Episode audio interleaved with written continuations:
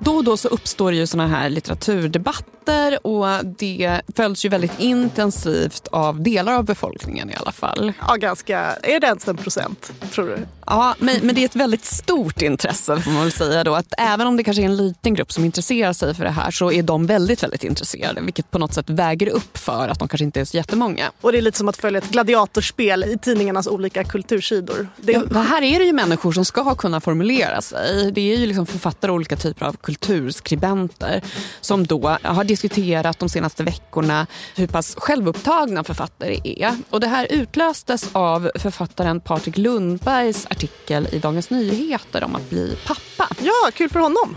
Ja, jättekul. Mm. Och han har ju tidigare skrivit böcker om sin uppväxt. Och också skrivit idén om hans sorg över att han antagligen inte kommer få bli pappa och sitt singelskap. Om några dagar fyller jag 40 år. Mina knän är fulla av artros. Ur mina tinningar växer fler och fler granitgrå hårstrån. Och jag är ingens pappa. Det har blivit en stress. En sorg nästan. Men nu är ju inte det ett problem längre. Hon sa, jag har tagit tre graviditetstest och alla visar positivt. Vi hade försäkrat oss om att inga graviditeter skulle uppstå. Det kan jag berätta utan att gå in på detaljer. Nu hade det hänt ändå. Du var inte meningen, men snart är du meningen med mitt liv. För när du föds ska jag leva för dig tills jag dör. När Patrik Lundbergs artikel hade publicerats så svarade GPs skribent Mikaela Blomqvist att hon tyckte att den här texten var ett tecken på författares självupptagenhet. Hon kunde inte bry sig mindre om Patriks blivande faderskap. Hon brydde sig till och med så lite att hon skrev en artikel om det här. Den utbredda självupptagenheten kan verka harmlös men i förlängningen är den en lågintensiv attack på det gemensamma samtalet. Det enda möjliga svaret på texter och böcker som utgår från den blir ett nickande deltagande. Eller en egen bekännelse. Och det har varit massa som kastat in sina åsikter i den här debatten och nästan alla tar upp det här med autofiktion. Hej och välkommen till A-kursen. Podden där vi tar ett omdiskuterat ämne men istället för att ge vår unika take på området. Där du säkert redan hört 20 unika takes. Ger vi dig grundkunskaperna i ämnet. Så nästa gång ämnet diskuteras på en middag eller vid kaffeautomaten så behöver du inte låtsas att du har koll. Du vet ifall kejsaren är naken och är inte rädd att tala om det. För du kommer ju snart ha tagit A-kursen. Och vi som är med dig är jag, Clara Wallin. Och jag, Emma Frans. Det är lite intressant när man eh, pratar om begreppet autofiktion att författare liksom som vampyrer suger ut saker ur sin omgivning och berättar om äh, människor i sin närhet. Och sen så skriver jag då exempel på hur mina barn är rädda för mig. När jag läser det så då, då håller jag på att, alltså jag tänkte så här, hur kan jag ha skrivit det här? Alltså så gränslöst och ja. utlämnande. Och nu kommer vi dyka ner i litteraturens värld och prata om självupptagna författare och syna litteraturgenren autofiktion i sömmarna. Och därför har ju du Emma även intervjuat Lisa Gran och Ingeborg Lövgren. Ja, och de är forskare och eh, undervisar i just autofiktion vid Uppsala universitet. Så vi kommer höra deras take på detta. Deras unika take. Deras unika take, inte våra unika takes men deras. A-kursen sponsras av Storytel. Emma, hur viktigt tycker du att uppläsaren är när du lyssnar på en ljudbok? Jätteviktig. Vad gillar du för typ av uppläsare? Jag kan säga vad jag har ganska svårt för. Och Det kan vara uppläsare som är överdrivet dramatiserande det blir för läskigt för dig kanske? Mm, det är säkert det som är problemet. Har du till och med slutat lyssna på en bok för att du inte gillat uppläsaren även fast själva boken var bra? Ja, det har jag verkligen gjort. Och det är du inte ensam om. Hela 89 procent av Storytels lyssnare har faktiskt gjort det någon gång. Avslutat en bok för att rösten inte passar just dem. Men nu behöver man inte göra det. För nu lanserar Storytel Voice Switcher. Det är en funktion där Storytels användare kan växla mellan olika svenska röster när de lyssnar på sin favoritbok. Med hjälp av en ny teknik så kompletteras den vanliga uppläsaren av tre olika AI-genererade röster. Till en början finns Voice Switcher tillgänglig på svenska på 25 titlar. Och jag som då gillar när man dramatiserar, jag har exempelvis lyssnat på Utvandrarna som Stefan Sauk som ändå är en sån där dramatiserande uppläsare och jag uppskattade när han bredde på med småländsken och så. Hans röst kommer nu finnas AI-genererad på en del svenska titlar. Försiktigt drog hon igen dörren bakom sig Upprörda röster trängde igenom oljudet. Någon hostade kraftigt. Med pistolen i ett fast grepp smög hon fram och kikade in i rummet bredvid. Det här är alltså en Massor av AI-genererad röst. en Framtiden är här. Gå in och lyssna på Storytel och hitta en röst som passar just dig. Tusen tack Storytel för att ni sponsrar A-kursen. Emma, du ska till Bokmässan om några dagar. Mm, det ska bli jättekul. Ska du det? Ja. Jag tror inte det kommer vara stel stämning eller så.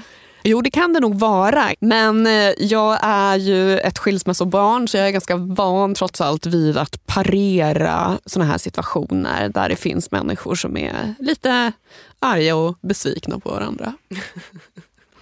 Och Det som då kan komma att skapa den här dåliga stämningen på Bokmässan är alltså den kritik mot författare som låtit i stil med “men kan ni bara skruva bort spegeln från skrivbordet och skildra något annat än era egna navlar?” Ja, precis. Det har skrivits jättemycket om hur självupptagna alla författare är. Och just det här med att eh, författare är så självupptagna, det tror jag ju att det kanske ligger någonting i. Och väldigt mycket av den litteratur som har kommit ut på sistone har ju satt väldigt mycket författaren i fokus. Och jag är nog själv en del av det här problemet. Jag har ju skrivit då visserligen en mer populärvetenskaplig bok men som var i ett sånt liksom, självbiografiskt format. En liksom, dagbok från pandemin. Men de två experter du har intervjuat till detta avsnitt, kommer du möta dem i vimlet tror du? Jag hoppas det, men jag vet inte riktigt om de, de kanske har någon liksom egen sån där litteraturvetarbokmässa där vi som liksom är fåfänga författare inte riktigt får plats. Där det blir lite djupare, mer substans i samtalen än jag, jag, jag-feeling. Exakt, och där man kanske också lyssnar på vad andra har att säga. Jag tänkte att vi ska börja med att definiera begreppet autofiktion. Vad menas egentligen med det? Autofiktion är benämningen på en typ av litteratur som blandar motstridiga drag. Både fiktiva element och självbiografiska sanna element. Och man kan väl också säga att det finns ju många olika slags litteratur som gör den här leken men att i autofiktionen så är, handlar det också ofta om just skrivandet och tillblivelsen av ett författarskap eller av en text. Så att det är en väldigt liksom, litteraturmedveten form av litteratur. Är det lite ett sorts metaperspektiv på skrivandet? Ja, i den mån som autofiktiva verk delvis säger sig handla om författaren så skriver ju den också ganska mycket om skrivande. Så att det där skrivande och det litterära kommer liksom in ofta automatiskt i det autofiktiva. Och det här är ett begrepp som man har pratat ganska mycket om på senare tid. Är det ett nytt begrepp? Nej, alltså, ja, nytt och nytt. För I litteraturhistorien så blir det väl ganska nytt. Men själva begreppet myntades på 70-talet, 77, av en författare som hette Serge Dubrovsky. Men även andra teoretiker och litteraturvetare pratade generellt om den här frågan ganska mycket på just 70-talet. Om olika förhållningssätt mellan författare och läsare och eh, om litteraturen används för att skriva fram ett liv eller om livet används för litteraturen. Så den speglingen. Så på den tiden kände man att det behövdes ett begrepp som definierade det här. Var det för att det här var en ny typ av litteratur eller fanns det liknande genrer tidigare?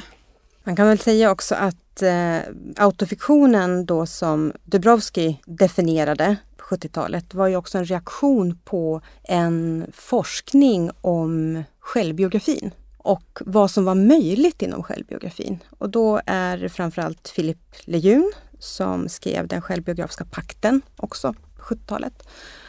Och då beskrev han egentligen den självbiografiska pakten som att en författare då skriver i eget namn och med anspråk på att vara sanningsenlig om sitt liv. Och så gjorde den ett väldigt eh, intrikat eller snyggt liksom rutsystem nästan. Man kunde bocka av vissa element eller aspekter som då skulle pricka in litteraturen som självbiografisk. Och då lär Dubrovski liksom delvis i reaktion på detta ha uppfunnit autofiktionen då genom att ha motstridiga element i sitt författarskap. Så man kan säga det som en reaktion egentligen på att försöka att definiera självbiografin. Just det, för att visa att man behöver inte alltid vara helt ärlig i de här avsikterna att använda verkliga element eller att hitta på eller så. Utan den här pakten är inte så stabil som Precis. det verkar. Så att det skulle visa sig sen, ja, framförallt sen då efter 70-talet, att det är fullt möjligt Mm. att man kan ha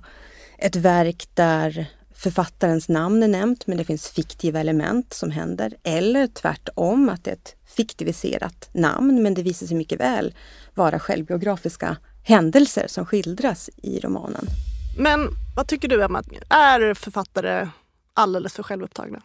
Alltså jag tror att det är ganska svårt kanske att vara författare idag om man inte är liksom lite självupptagen. Eller man måste i alla fall vara, tror jag, beredd att kunna dela med av sina egna erfarenheter. Jag tror att det finns idag en väldigt stor efterfrågan på autentiska berättelser.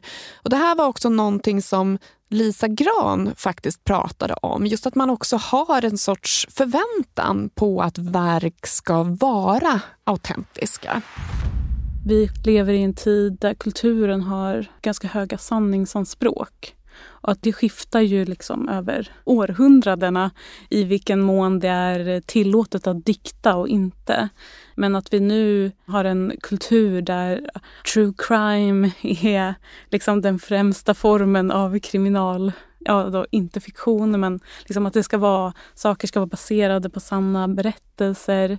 Jag tog upp ett exempel på vår kurs som var aktuellt för ungefär ett år sedan. Jag hade läst en recension av filmen Tar med Kate Blanchett i en ändå ganska väl ansedd amerikansk tidskrift där recensenten då beskriver hur hon kommer ut från biografen alldeles tagen och måste liksom gå hem och omedelbart googla huvudpersonen för att få veta vem hon var och blir bestört när hon förstår att det här är en påhittad person. Och så här, jag kunde inte fatta att det jag hade sett de senaste två timmarna bara var påhittat.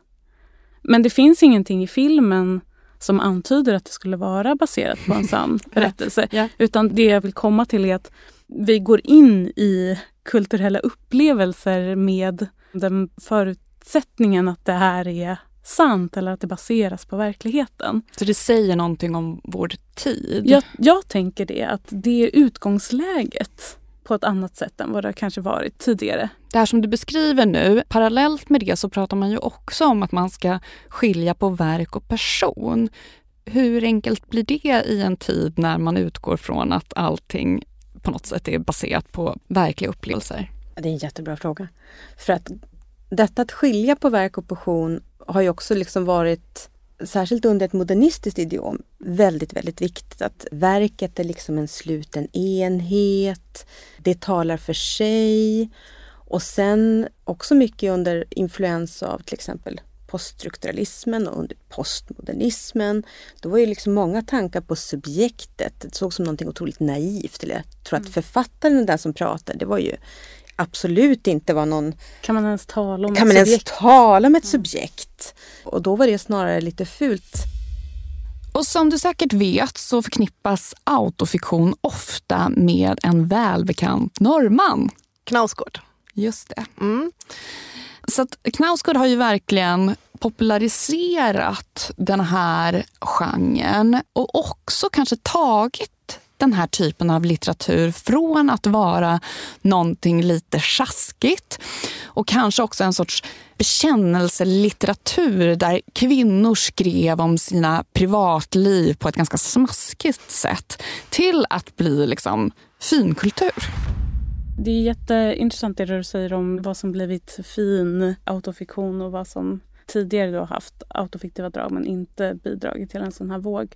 Tänk liksom kvinnliga författerskap, ja, men som Carina Rydberg eller Myggor och tigrar till exempel. Som kom, några, ja, som Mm. kom några år senare som också blev en sån mediedebatt. Liksom, vem är det hon skriver om? Får man skriva så här? Medan Knausgård till viss del har också haft de frågorna kring sig men som ändå blivit enormt upplyft. Också när kvinnor då skriver om moderskap eller om föräldraskap så tolkas det på ett annat sätt än när Knausgård skriver om det. Så. Jag tycker en sak är lite slående med Knausgård, alltså det är ju en romansvit i sex delar. De första tre kom 2009 mm. och så handlar det ju om eh, hans kamp. Hans kamp som man. yeah. Växa upp i Norge och gå i skolan och bli kär och ha en jobbig relation med sin otroligt eh, tuffa pappa, som man beskriver det. Som först är väldigt tuff och sen väldigt frånvarande. Ja, alkoholiserad. Och, mm. Men det är alltså 2009 de tre första böckerna släpps. Vet du vad som mer händer 2009? Berätta. Facebook blir stort. Ja, ja. Alltså det kom igång typ 2007 och växte. Och det var just 2009 som Facebook blev det mest använda sociala mediet i världen. Jag tycker det är spännande att det kommer samtidigt. Mm. Det här eh, berätta om sig själv-tiden. Eh, det bara ja. blomstrade och då kanske det också blev så normalt att berätta om sig själv. Alla berättade om sig själva. Och det gjorde ju också att jag menar att individen bakom olika texter också blev mer betydelsefull. För det är också någonting man har kunnat se inom journalistiken till exempel. Att man lyfter upp de här profilerna väldigt mycket och personer med många följare i sociala medier. Det blir ju också de personerna som får skriva krönikor i dagstidningar eller kvällstidningar. Och man ser ju också att influencers ger ut böcker. Att just det här att författaren och individen bakom ett verk har ju blivit allt mer i fokus. Och det här är ju inte bara någonting som man ser inom litteraturen tycker jag. Utan generellt så är det väl idag så att man vill ha liksom, verkliga berättelser. Så jag tror att på något sätt att det här med varför vi är så himla besatta av böcker som är baserade på författarens egna erfarenheter. Inte ens liksom romaner bara uppstår utifrån en sorts fantasi utan är baserat på verkliga upplevelser. Det tror jag säger kanske mer om vår tid än om att liksom, författarna idag är på ett visst sätt. Ryan Reynolds här från Mint Mobile.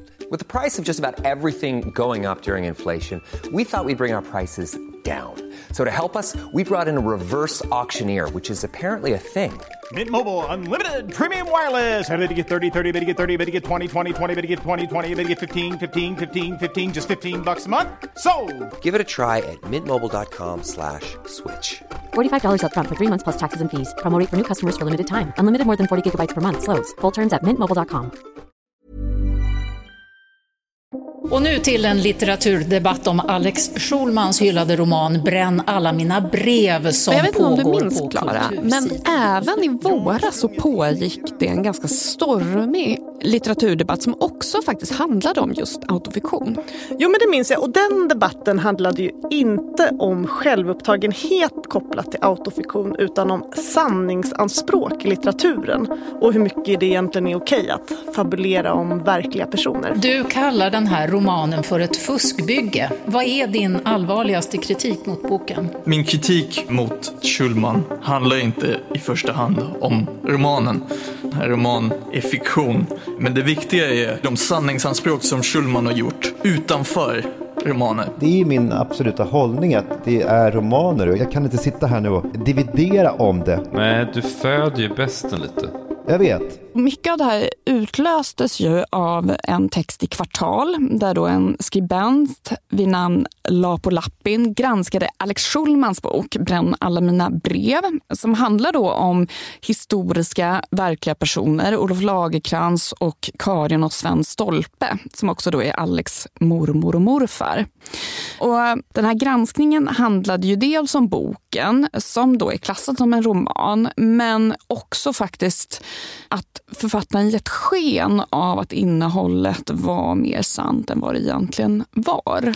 Och han beskriver väl också sin egen research i boken. Ja men precis, för han har gått till de här dokumenten på Carolina Rediviva i Uppsala och gjort det här liksom gedigna arbetet. Och Lapo Lappin sökte ju upp de här källorna och kom fram till att det var saker som inte riktigt överensstämde med hans berättelse. Och vad är berättelsen?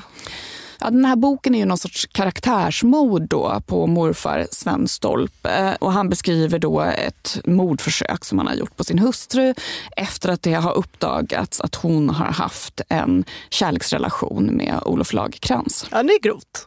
Det är ganska grova anklagelser Mor, såklart. morfar döda mormor, ville Ja. döda mormor. Ja, är Har du läst boken? Nej, det har jag inte. Ja, det har Men- faktiskt jag och jag tycker att den var väldigt eh, underhållande. Mm. Och hur läste jag den egentligen? Trodde jag att det var sant? Jag trodde nog att det var ganska tillspetsat. Det var Mm. nog min känsla, men att det också fanns sanning i det. Och en liknande debatt som den vi hade i Sverige i våras om hur moraliskt försvarbart det är att skriva autofiktion hade de också i Norge när Knausgårds Min kamp släpptes. För det var ju väldigt speciellt då för typ alla som råkat menar, så här, sälja en kaffe till Knausgård eller, eller någon lärare eller så kunde Ja. bli kastad under bussen. Och värt att notera tycker jag att en av de som var med och debatterade Bränn alla mina brev i våras var den norska journalisten Simon Sätre. Det vanligaste argumentet man hörde då tyckte jag var i stil med “men det står ju roman på framsidan, hur kan man tro att det då ska vara verkliga saker som skildras?” Men Simon Sätre höll inte alls med om det utan skrev så här i Sydsvenskan den 14 april. Det verkar som om Schulman inte inser det som en förlagsredaktör borde ha talat om för honom för länge sedan. Man kan inte skriva fiktion och sanning på en och samma gång. Det ena utesluter det andra. Och han fortsätter skriva att en av de här tre sakerna måste ske till följd av Lapp Lappins granskning. 1. Schulman svarar utförligt på alla frågor med öppna källor och pekar på fel i kritiken han fått. 2. Författaren dementerar offentligt varje utsaga om att boken skildrar sanningen. 3. Förlaget drar tillbaka boken och trycker en ny upplaga där det helt tydligt framgår vilken slags bok detta är. En roman där författaren fabulerar inspirerad av verkliga människor. Det är en hård kritik. Det är väldigt drastiskt. Han är ju norrman och så här beskrev han hur det var när Knausgårds böcker kom. Det började 2009 med de tre första delarna av Karl Ove Knausgårds Min kamp. Romanformen var sliten, det var dags för reality hunger. Det var som om språket fick en annan intensitet när det handlade om det verkliga och äntligen dominerade litteratur det offentliga samtalet. Knausgård var nyskapande, namn och händelser var så att säga autentiska. Han hade så att säga rättat faktafel. Samtidigt var det något som skavde. Det då Simen Sätre gjorde var att åka liksom i Knausgårds fotspår och leta reda på alla de här personerna som omnämns och kolla vad de tycker om det. Och det här resulterade i ett reportage i norska Morgonbladet som kom ut den 29 januari 2010. Och I reportaget då så är det de flesta som de pratar med väldigt stolta och också många av dem som han tyckte om har ju också fått läsa och tyckt till om hur de framställs. Så han har skickat ut det till vissa liksom, Ja. eh, för godkännande, Ja. men kanske inte för alla. Nej, och sen är det också det är väldigt många som bara nämns i förbifarten.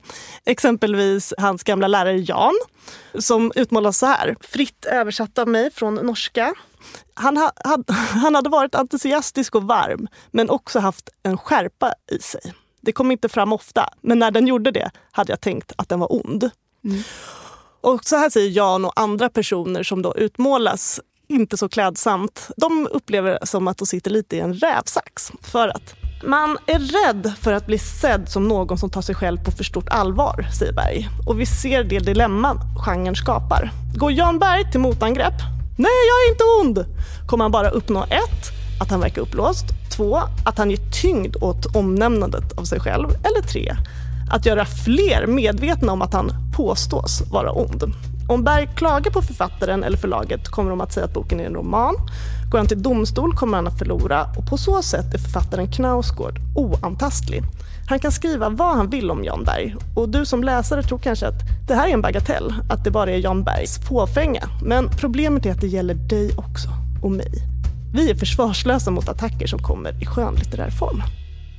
Och då är ju det här ett väldigt milt karaktärsmord i sammanhanget. Ja, Alltså, det, är tycker bara- jag också. det- Precis. Det, liksom, jag tycker inte det han skrev var så himla... Det var liksom ett... Och då kan man ju verkligen Ja. inte göra något. Nej. Nej, jag är inte alltså, då blir, Och då är det ju framförallt hans pappa, alltså Knausgårds pappa, det. som blir jätteslaktad litterärt. Och där har ju 14 släktingar till Knausgård gått ut i ett öppet brev i tidningen Klassekampen och motsatt sig det.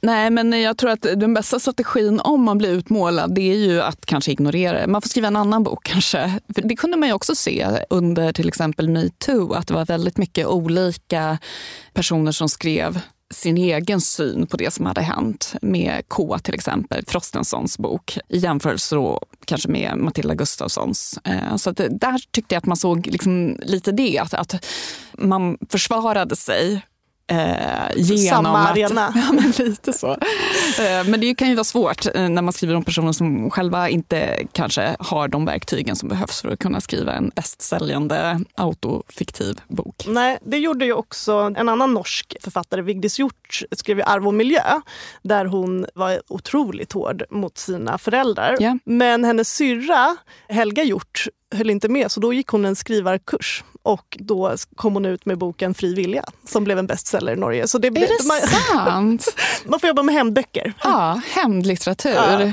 Det är bästa strategin kanske då. Jag tror det. Eh, Antingen ignorera eller så tar man en skrivarkurs och ger igen med samma mynt. Ja. Men det har faktiskt hänt att en författare har blivit fälld för förtal. Det är ju väldigt ovanligt att litterära verk döms i Sverige för förtal eller för någonting annat. Har det hänt någon gång? Ja, det har hänt en roman som heter Märit som kom ut 1965 som handlar om författarens uppväxt i en liten by i Jämtland där det var för lätt helt enkelt. Hon hade haft kvar ett namn i boken som överensstämde med verkligheten. Och eh, där då två personer utpekades som att de hade misshandlat en familjemedlem. Och då blev författaren som heter Ingmarie Eriksson dömd för förtal. Men sen dess så har det inte hänt. Så det mesta får ju skrivas. Man har större chans att få upprättelse med en hämndbok än om man tar rättsprocessvägen. Ja, kanske.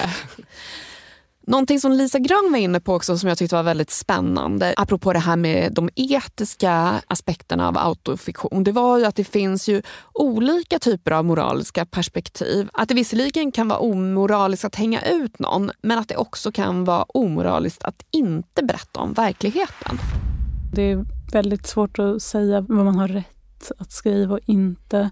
Men jag tänker också att den här typen av litteratur kommer också av något slags moraliskt imperativ. Att man känner att man säger saker som faktiskt måste sägas. Att man inte... Att det finns inte bara en sorts liksom, moral som handlar om att man inte får lämna ut människor Nej. utan att det också finns en sorts skyldighet Ja. i att beskriva verkligheten. Ja, precis. Och att litteraturen då erbjuder ett forum eller ett medium för den sanningen eller den upplevelsen som man känner faktiskt måste också talas. Mikaela Blomqvist, 5 september i Göteborgs-Posten. Svenska författare måste sluta vara så självupptagna. De skriver filterlöst om sig själva, som en patient i terapisoffan babblar om sitt liv till den grad att form och estetik inte längre existerar. Åsa Bäckman, 6 september i Dagens Nyheter. Jag tror att man ska vara försiktig med att allt för mycket kopiera 80-talets estetiska hållning där nedvärderingen av allt självbiografiskt gav en abstrakt och blodfattig litteratur. Där författare som kan skriva om sig själv på ett berörande sätt kommer alltid att säga något om världen. Maria Hymna Ramnehill, 7 september i Göteborgs-Posten. Det verkar finnas ett begär efter berättelser som känns sanna. Men för att uppnå denna sanning tvingas man hänvisa till en verklighet utanför verket. Då kan man grunda fiktionen i biografiska fakta, historiska händelser, spektakulära rättsfall eller i personliga erfarenheter. Frågan är om det vi ser nu är fiktionens död. Patrik Lundberg, 8 september i Dagens Nyheter. Mikaela Blomqvist och hennes supportrar blottar sin oförmåga att läsa. På sociala medier jublade kritikerkören ett par högerlitterära skalder och en skara enboksförfattare som få har läst. Deras gemensamma nämnare är att de lever på stipendier som till stor del finansieras av biblioteksutlåning av filterlösa och självupptagna författares böcker. Det sägs att den ständigt Nobelpristippade norrmannen Dag Solstads senaste roman sålde 500 exemplar i Sverige. En självbiografisk bok som heter Fjärilsvägen sålde lika många per dag. Och det är hans egna bok då, alltså. Kärleksvägen. Ja, precis. Vi lever ju i en peak självupptagen tid för tillfället, men att skildra sig själv och sitt liv är ju inte direkt nytt. Vet du till exempel hur gammal den äldsta kända självbiografin är? Det vet jag ju. Var det 400-talet? cirka 397 efter Kristus. Ja. Mm. Bekännelser av Ja. Augustinus som i 13 band handlar om eh, i de första nio handlar om hans liv och sen blir det mer teologi och filosofi. Finns att köpa för 329 kronor såg jag på nätet och Aha, enligt okej. recensionerna finns det alltså? Ja, är den bra. Speciellt de nio första banden är bra enligt Adlibris recensioner. Sen blir det för högtravande där det handlar liksom om hur han har dåligt Ah. samvete för att palla päron trots att han har päron. Och, Annars tänker jag att många såna där långa serier de får ju bara högre och högre recensioner. För Det är bara de som älskade det från början som finns kvar där på slutet. Ja, det är ju lite samma sak med Min kamp också. Att Mm. De som inte gillade den första boken, de läser ju inte den sjätte. Ja, men jag tror att det, det som såldes då det var hela bandet Ah, i ett. okej. Så då, men, och då har folk, Man hade inget val. Nej, då läste man de första nio och tyckte gud vad bra. En Min kamp från eh, 300-talet. Ja. Men sen hittade han kristendomen. Han förstod att astrologin var ondsint och förstod att kristendomen var den sanna läran. Men det blev trist i ett läsarperspektiv. Ja. Skulle ni säga att i en del självbiografier innan 70-talet att det var egentligen autofiktion? Fast man kallar det självbiografi, att man inte riktigt fyllde i alla de här kriterierna. Ja, men det skulle man väl egentligen kunna säga. Sen blir det kanske lite anakronistiskt att projicera tillbaka ett modernt begrepp på äldre litteratur. Men att de elementen fanns med, det är alldeles klart att det har funnits självbiografier som har skrivit sina andra namn och så vidare. Ja, och jag tänker, eh, precis som du säger, de här eh, frågorna och leken med det verkliga och det fiktiva är väldigt, alltså om man tänker svensk litteratur så är väl Strindberg ett väldigt tydligt exempel på någon som använde sig av sådana tekniker när han skrev. Men ni skulle ändå inte kalla det autofiktion utan det var någon sorts föregångare till det eller? Ja, alltså det, det är lite så, när vi har undervisat om den här typen av litteratur så har vi i kursen pratat om fiktion och autofiktion. Mm. Och vi har liksom rört oss mellan de spänningspunkterna och liksom fiktion, autofiktion, självbiografiskt skrivande. Så vi har väl mer kanske pratat om litteratur som rör sig längs den här skalan utan att egentligen ägna så mycket tid åt att definiera olika verk som det ena eller det andra. Man skulle kanske också kunna se att den här termen, så som den har satts i bruk, lite grann kanske inringar två olika fenomen. Det ena är liksom som ett analytiskt begrepp Mm. där man just vill inringa texter som på ett motstridigt sätt förenar det fiktiva och det självbiografiska. Och då kan man definitivt använda det om äldre litteratur. Men sen kan man också just se det som en beteckning på en litteratur vi ser ungefär från 70-talet och framåt. Alltså lite mer som en historiskt betingad Mm. genre. Mm. Och då kanske man är lite mer tveksam. Och också för det tredje då som ett marknadsbegrepp. Exakt. Som något som används för att sälja litteratur på ett visst sätt. Och då kanske det är i ja, men de senaste 10-15 åren som det verkligen har blivit ett stort begrepp. Och som jag kanske tänker att det är därför vi sitter här och pratar om det nu. Ja. För att det har liksom varit en stor litterär trend. För några år sedan producerade jag intervjupodden Värvet med Kristoffer Triumf. Och jag minns att när Denise Rudberg gästade programmet i februari 2018 så berättade hon något som jag tycker är relevant i den här diskussionen om självupptagna författare. Jag vet faktiskt inte hur den här första boken kom till, men jag vet att jag, när jag började skriva den så tänkte jag att nu skriver jag om en bekant som jag inte var särskilt förtjust i. Som eh, jag visste skulle gifta sig och som jag tyckte var liksom rätt töntig. Och jag störde mig som fan på henne. Och sen jag, jag skriver den där historien och så började jag skriva. Och sen så när boken var klar så var det givetvis speglat i fröken Rudberg själv. Så här beskriver hon hur det gick till när hon skrev sin debutroman Väninnan. Så det var in- intressant. Eh, bara det blev ju en upptäckt. Liksom, att man tror att man skriver om en sak och sen så kommer man tillbaka till samma tråkiga spegelbild.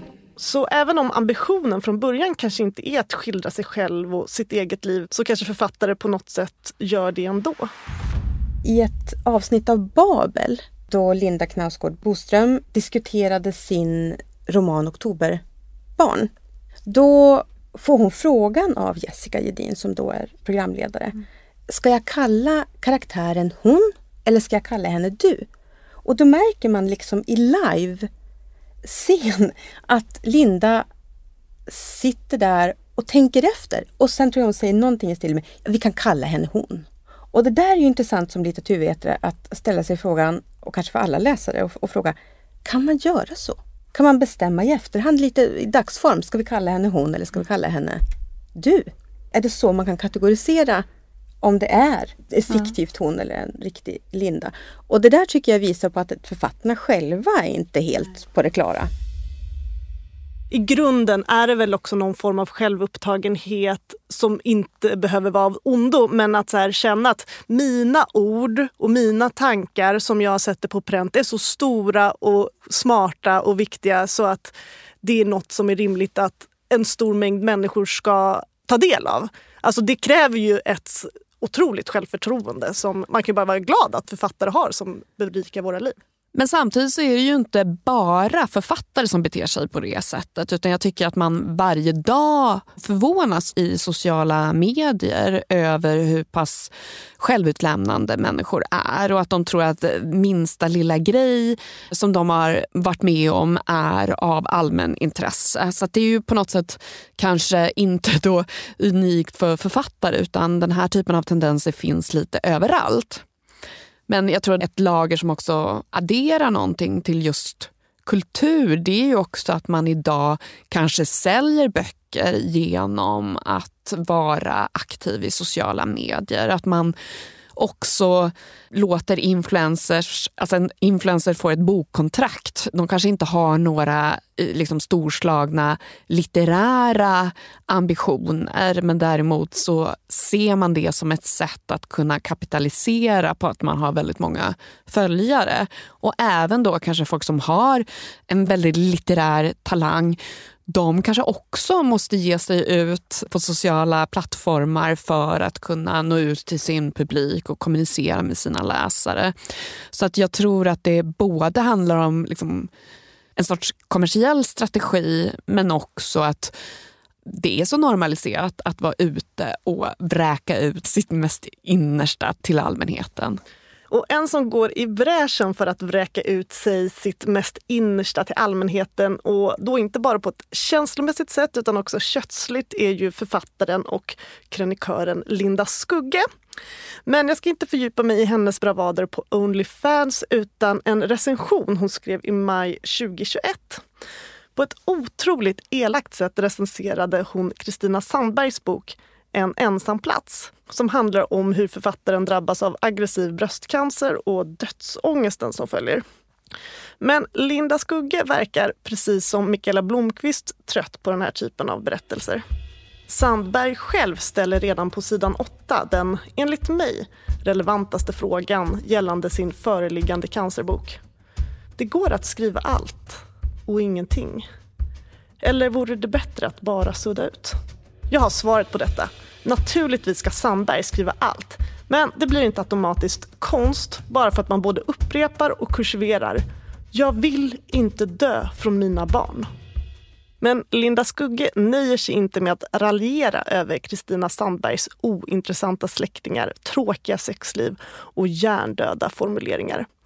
Hon låter även oss läsare veta att hon läst in en text till P2 med sexleksaken WeVibe inuti sig. Och så spelar hon ner allvarligheten med cancer i jämförelse med kroniska sjukdomar. Något som Skugge själv lider av. Jag är för min dagliga överlevnad beroende av kortison och där varje diarré eller kräkning innebär ett akut dödshot. Men WeViben, vilken livsförhöjande grej paret Kämpe kan ju prova den för att se om den råder bot på den där sexualiteten hon sörjer så. Jag kan tycka att i den här recensionen går självupptagenheten hela varvet runt. Linda Skugge recenserar en självbiografisk bok genom att skriva om sig själv. Och recensionen mottog också en hel del kritik. Bland annat skrev Madeleine Levi i Svenska Dagbladet att hon blev mer illa berörd än road av texten. Och jag tycker att hon sätter fingret på vad det hela egentligen handlar om. Det Skugge framför allt ägnar sig åt i denna recension och många andra är ett eget autofiktivt författarskap. Det begränsar sig inte till hennes självbiografiska böcker utan tar sig uttryck i såväl hennes sociala medierinlägg och tv-framträdanden som hennes tidningstexter. Intervjuer och kritik inkluderat. Är läsarna trötta på självupptagenheten? Kommer vi rata den jag-centrerade autofiktionen när vi strosar runt på bokhandeln? Alltså alla säger ju det. Åh, jag är så himla trött på autofiktion. Men litteraturen speglar den samtid vi lever i. Vi lever just nu i en kanske ganska självupptagen samtid. Vi har ett väldigt individualistiskt samhälle. Vi fokuserar väldigt mycket på personen bakom verket. Och det tror jag inte faktiskt kommer upphöra. Men däremot så kanske vi kommer kalla det någonting annat än autofiktion just för att man tycker att det här är liksom ett lite mossigt begrepp som har liksom lite för många år på nacken. Naval novel. Just det. Navel. Naval novel. Navelroman. Ja. Så spännande och fräscht. Tack för att du har lyssnat på eh, A-kursen om autofiktion med mig, Clara Wallin. Och med mig, Emma Frans. Och om du vill få någon form av eh, vad heter det, examinationsbevis Ja, eh, slutbetyg. i A-kursen i autofiktion. Ta vår tenta. Ja. Var hittar man den då? På vår Instagram, A-kursen understreck podd, är liksom själva användarnamnet. Men sök på A-kursen så kommer det säkert upp. Hoppas vi. Ja, vi hoppas det. det beror på hur dedikerad du är. Ja. Men det ligger en liten tenta i våra stories. Följ oss. Gör det. Prenumerera jättegärna på vår podd i din poddapp och kanske ett betyg om du gillar det du hör. Annars glöm vad jag sa. Tack till Beppo där vi fått spela in.